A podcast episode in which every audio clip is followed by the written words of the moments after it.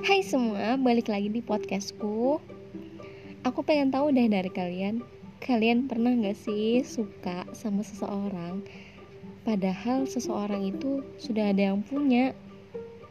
Dan kita tuh gak cemburu Kita senang aja gitu ngelihatnya. Pernah gak sih kayak gitu? Terus kalau dia ngelir ke kita atau cuma sepintas doang itu senangnya bukan main. Kalian pernah gak sih?